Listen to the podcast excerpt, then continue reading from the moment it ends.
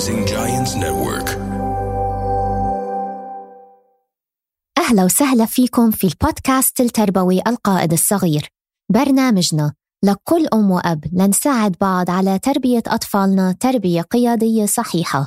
طفل اليوم هو قائد الغد. أنا لينا مدربة حياة للأطفال ومدربة علاقات أسرية. وأنا هيلدا معالجة نفسية للأطفال عن طريق اللعب play therapist ومدرسة مونتسوري. بحلقات البرنامج رح نغطي ثلاث مواضيع أساسية. معلومات في علم النفس للأطفال نصائح عملية وتحديات الأم اليومية. حلقتنا لليوم بعنوان القصص العلاجية لتغيير سلوك الأطفال.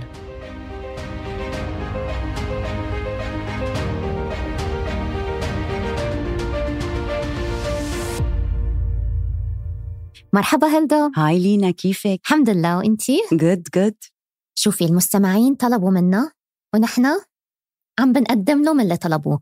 القصص العلاجية لتغيير سلوك كانت فعلا عملنا الجزء الأول والجزء الثاني وهلأ عم بنقدم لهم الجزء الثالث من أكثر الحلقات اللي حبوها. وبالأحرى تواصلوا معنا وطلبوا قصص أكثر فهياتنا عم بنقدم لهم. exactly لأنهم لاحظوا إنه هاي الطريقة هي طريقة غير مباشرة لنحكي مع الطفل عن السلوك اللي إحنا حابين نغيره. فلهيك بتساعد وفي جود فيدباك مية بالمية. بصراحة أنا من عشاق القصص ما في أحلى من القصة. بلا بدل ما تقعدي الطفل هيك وتلوميه و... وبتعرفي لما بتشاوري عليه بإصبعك وتحطي وفكر بالموضوع لا إنك تحكي عن السلوك اللي تصرفه من خلال القصة فعال أكتر بكتير. وجمال القصة الطفل بيتذكر وكل شوي حيفهم message جديد من قصتك until ما يستوعب إنه Yeah. قصة لإله. يا وفي قصص كتير اللي بحبوا فيها إنها بتعطي تكنيك. يا بتعطي طريقة تفكير مختلفة للطفل وبرضه بطريقة غير مباشرة. لأنه كتير الأطفال بطريقة مباشرة لما نقول لهم الشغلة okay خلص ما بيجربوها. وبيعملوا block. ما بيعملوا ما block. بدهم يسمعوا. على فكرة مش بس الأطفال نحن كمان يا كبار تعي قولي لي بطريقة مباشرة هيك آه، ما بدي أسمع. yeah بتحسيها كأنه you're attacking كأنه الشخص عم بيعمل لك attack بس هو مش هيك قصده. yeah يمكن الطبيعة البشرية إنه yeah. إحنا كل واحد يتعلم من كيسه وعم بحس إنك أنت عم تمنعيني أتعلم من كيسي. حل عني yeah. بالضبط. exactly فالقصص ثم القصص ثم قصص. بالحلقة هاي مقدمينكم ثلاث قصص لا نحكي فيها عن ثلاث آه، ثلاث أنواع سلوك متعارفة عند الأطفال. طبعا ملك السلوك عند الأطفال الغضب فحنحكي قصة عن الغضب. وحنحكي قصة عن الحفاظ على الممتلكات لأنه كتير بتلاقوا الأطفال دايما مستعجلين ما بيضبضبوا من وراهم ممتلكاتهم يمين وشمال ومكركبة و all over the place. والقصة الثالثة هلدا عن شو؟ عن الطلاق. عن الطلاق وتأثيره على الأطفال. فنبلش كان يا مكان؟ يلا. قصتنا اليوم عن الغضب والقصة هاي بننصح فيها لأعمار الأطفال اللي من ستة وفوق. كان يا مكان. كان في ولد صغير متقلب المزاج. كتير أحيان بحس بالغضب وما بيعرف يتعامل مع مشاعره فبيلجأ للصريخ والضرب وبينسى يأخذ نفس عميق. فبيوم من الأيام عصب وزودها شوي. فاتفق معه أبوه قال له اسمع كل ما تحس عندك نوبة غضب أو كل ما يكون عندك نوبة غضب بدي إياك تدق مسمار بسور الحديقة. طلع عليه الولد مسمار قال له آه مسمار. وأعطاله كيس مسامير. كيس لونه بني مليان مسامير. فيه تقريبا 100 مسمار. وفعلا سمع الولد بنصيحة أبوه وصار كل ما يحس بالغضب أو بدها تفلت أعصابه يطلع على الحديقة يفتح باب البيت يطلع على الحديقة ويدق مسمار بالسور. أول يوم دق المسمار تاني يوم دق المسمار ثالث يوم بلش يلاحظ الشاكوش تقيل وهاتك يا دق دق دق دق دق دق. رابع يوم خامس يوم هيك لغاية ما الولد دق 40 مسمار. وبعدين لاحظ على نفسه واستوعب طب أنا أشرف لي أخذ نفس عميق. خليني أخذ نفس عميق حيكون أسهل من دق المسامير. وفعلا بلش ياخد نفس عميق ويتحكم بمشاعره ويتحكم بأعصابه. راح ركض ركض ركض ركض راح عند أبوه قال له بابا أنا صرت أقدر أتحكم بأعصابي وصرت أخذ نفس عميق. أبوه طلع عليه وقال له طيب كل مرة بدك هلأ تاخد فيها نفس عميق وتتحكم بأعصابك بدي إياك تشيل مسمار من السور. وفعلا اطلع عليه الولد باستعجاب بس سمع بنصيحة أبوه. طلع على الحديقة كل مرة يعرف يتحكم فيها بأعصابه ويأخذ نفس عميق ويطلع على الحديقة ويشيل مسمار. هيك لغاية ما شال كل المسامير. راح عند أبوه هو جدا فخور بنفسه. بابا أنا شلت كل المسامير. قال له أوكي تعا معي بدي أفرجيك شي. حط أبوه إيده على كتف الولد وقال له بابا اطلع على السور هذا كتير منيح وما تنسى شكله بحياتك. قال له عم بطلع. قال له شو شايف؟ قال له ما بعرف شو شايف بابا؟ قال له شايف حفر حفر كل مسمار ترك حفرة بهالسور وهالحفر بحياتها ما رح تروح تماما مثل الغضب وأفعاله. لما تشعر بالغضب وتصرخ أو تضرب فعلتك هاي وعملتك وضربك مؤلم وصريخك مؤلم وكلماتك حادة تماما مثل أشواك القنفذ بتجرح فيها غيرك وتأثير تصرفك غيرك رح يحمله معه لفترة طويلة. تذكر الغضب بيترك تأثير على اللي عم بيتعرض له تماما مثل الحفرة هاي اللي بالسور. فتعال ناخد نفس عميق ونتحكم بأعصابنا شو رأيك يا هلدا بالقصة؟ كتير كتير حلوة القصة. يا. آه وقريبة من الكلتشر تاعنا ومن دروس زمان الدروس العربية كيف كانوا يعلموا الأولاد بأنه يعني يعطوهم another direction. مم. okay؟ آه إنه روح بطريقة تانية يتعلم. الطفل دائما عشان بتعلم concrete okay؟ مم. فهون استعمل حواس مختلفة لحتى هذا الدرس يضله ثابت عنده براسه yeah. وفعلا يغير سلوكه. so so عشان هيك حبيته لأنه أول شيء بيودي الطفل على another direction مش مش عم نتحدث عن الغضب. yeah okay؟ وبهذا ال direction أعطيناه مساحة يفكر وهو عم بدق المسمار أعطيناه مساحة يفكر إنه ليه عم بدق المسمار واستعملنا كتير حواس للطفل يتعلم. وبتعرفي هلدا اللي عجبني كمان بالقصة هاي؟ أنا بحب القصص اللي الأهالي ممكن actually تعملها مع أطفالهم. بالضبط. يعني بيوم من الأيام مثلا لو طفلك ستة وفوق ممكن تاخديه على الحديقة تعطيله شاكوش تدقوا مع بعض مسمار تشيلي المسمار ويشوف الحفرة بعيونه. فهي من الأشياء اللي كتير لفتت لي نظري لما قرأت القصة إنه آه اكشلي أنا ممكن أعمل هيك مع بنتي والدرس فعلا حيثبت. فهاي من من الأمور اللي كتير حبيتها بالقصة هاي. هلا قصة الطلاق قصة اسمها شجرة القرود. انكتبت لطفلة عمرها أربع سنوات لما أهلها انفصلوا عن بعض وكان كتير عليها صعب تتأقلم مع الوضع الجديد. كان عندها ثلاث إخوان مراهقين والبيت دايما فوضى. هاي القصة بتناسب أعمار مختلفة وبتناقش تجربة الطلاق مع الطفل. في نص الغابة كان في عيلة قرود كلهم عايشين مع بعض على شجرة عيلة القرود. كانوا دايما مشغولين وصوتهم عالي وضحكاتهم كتير عالية وبضلهم دايما يتمرجحوا بديلهم ويصرخوا ويحكوا الحشرات اللي بتعلق بفروتهم وجسمهم وبيلعبوا مع بعض وكتير مبسوطين. القردة الصغيرة كان اسمها مالي كانت عم بتعلم من إخوانها وإخواتها كيف تعمل عش إلها تنام فيه وقت الليل على الشجرة. علموها تلف وراء الشجر الكبيرة وتحطهم فوق بعض ليكون سريرها كتير مريح.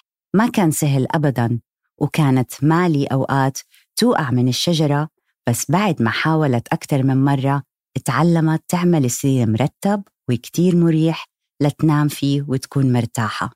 مالي نامت طول الليل وكانت كل العيلة حواليها. في يوم من الأيام كانت عم تلعب مع قريبها وفجأة سمعت صوت رعد من السما. كتير قوي. وشافت كل العيلة عم تركض وتصرخ وتتسلق على الشجرة بسرعة ليوصلوا لأعلى قمة بالشجرة ويشوفوا شو صاير بالسما. شافوا غيوم سودا عم تتجمع بالسما وصوت البرق والرعد كتير قوي. وبدأ المطر ينزل والريح تعصف. كل القرود تجمعوا مع بعض وحضنوا بعض بنص الشجرة واستنوا لتمرق العاصفة. بس فجأة بدأوا يسمعوا صوت خشب عم يتكسر. اطلعوا فوق لقوا جذع كبير من شجرتهم انكسر ووقع على الأرض. وقف المطر وقفت الريح وراحت الغيوم السوداء وإجت الشمس اللي كل القرود انبسطوا بدفاها. بس لأنه جذع كبير من شجرتهم انكسر أخذ معاه سراير إخوانها لمالي. لهيك اضطروا يبنوا سراير تانية بشجرة قريبة من شجرتهم. وهلأ رجعوا القرود كتير مشغولين بيبنوا سراير إلهم. مالي حبت الفكرة وتحمست لأنها هيك رح تصير تزورهم في شجرات تانيين وممكن تبني إلها سرير هناك معاهم لتكون مرتاحة بأي شجرة بتروح عليها. وعاشوا القرود على شجرتين. ومرة تانية رجعوا كتير مشغولين وفوضويين يصرخوا يضحكوا يتمرجحوا ويحكوا الحشرات اللي بتعلق بجسمهم.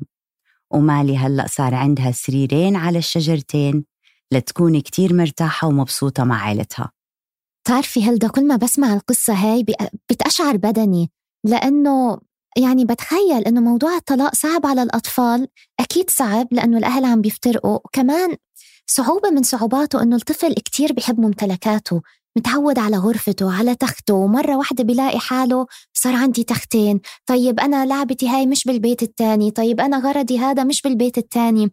فلما قرأت أشعرت لي بدني إنه فعلا الطفل لما يسمع هالقصة آه يعني بتفتح له عيونه لمنظور جديد آه أنا عندي غرفتين هلأ. عندي سريرين ومالي كانت سعيدة لأنه هلأ صار عندها بيت بالشجرة هاي وبيت بالشجرة هاي وممكن تزور هذا وممكن تزور هذا.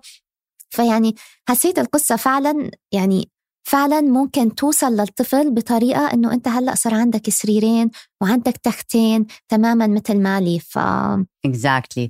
كمان أنت الطلاق يعني حتى للكبار بكل هالخبرات اللي مرقت علينا وبكل هالمهارات اللي اكتسبناها برضو بنحس إنه إحنا عم نطلع من ال comfort zone تاعتنا. أكيد. so so, تخيلوا للطفل بيته بالنسبة له الأمان وال يعني security الهدوء الراحة okay؟ فتخيلوا هذا البيت رح يتغير. yeah. فأكيد رح يكون صعب لهم وآخر قصة عنا لليوم. قصة طريفة وخفيفة وبنصح فيها لعمر الثلاث سنين وما فوق. هي قصة عن الحفاظ على الممتلكات. ومثل ما بنقول كان يا مكان كان. يا مكان كان في مرأة عجوز. المرأة العجوز هاي كانت بتعيش ببيت كبير وكان عندها حيوانها الأليف سلحفاة. هالسلحفاة كانت سلحفاة جدا حكيمة وعاشت مع المرأة العجوز لسنين طويلة. في ببيتهم حديقة حديقة منزل. المرأة العجوز كان غرامة. تشرب الشاي تبعها مع قطعة السكر اللي بتحركها بهالشاي وتقعد على المرجوحة برا تشرب شاياتها. كل يوم كانت تنزل بنفس الوقت والسلحفاة كانت تستناها. وبتعرف روتين المرأة العجوز. حتنزل على الساعة ثلاثة حتحضر شاي العصر تطلع على الحديقة وتشربه. وكل مرة بتعمل نفس الشي بتنزل على المطبخ بتفتح مرتبان السكر بتحط قطعة سكر بتترك المرتبان مفتوح على counter المطبخ وبتطلع بتشرب الشاي. وكل مرة نفس الحديث السلحفاة بتقول لها يا ستي يا ستي سكري المرتبان حيجي النمل وياخد السكر تبعك. وهي تقول له شو نمل ما نمل؟ ما حدا حيجي ياخد السكر أنا مستعجلة بدي أطلع أشرب الشاي. وكل مرة فعلا تطلع تفتح المرتبان تنزل تفتح المرتبان السكر تطلع على الحديقة تشرب الشاي وتنسى تسكر المرتبان. يوم ورا يوم ورا يوم مين كان يتفرج عليها؟ النمل. النمل استنوها بيوم من الأيام. تترك الحديقة وترجع تطلع على غرفة نومها. ودخل النمل على المطبخ وأخذ كل السكر. قطعة قطعة ما ترك له ولا مكعب سكر واحد كله. المرأة العجوز نزلت تاني يوم نفس الوقت الساعة ثلاثة والسلحفاة المرة هاي عارفة شو رح يصير. نزلت فتحت مرتبان السكر حطت إيدها بدها تطلع على المكعب السكر ما لقيته ما في سكر بالمرتبان. تلف راسها يمين شمال وطلعت على السلحفاة والسلحفاة هزت براسها وقالت لها شكله النمل أخذ السكر بس أنا شفتهم وبعرف وين خبوه. لحقت المرأة العجوز السلحفاة على حفرة النمل. وقالت لها السكر هون. وطت هالمرأة العجوز مدت إيدها بالحفرة وأخذت فقط قطعة سكر واحدة. حطتها بالشاي حركت الشاي وطلعت تشرب الشاي على المرجوحة مثل ما هي دايما متعودة.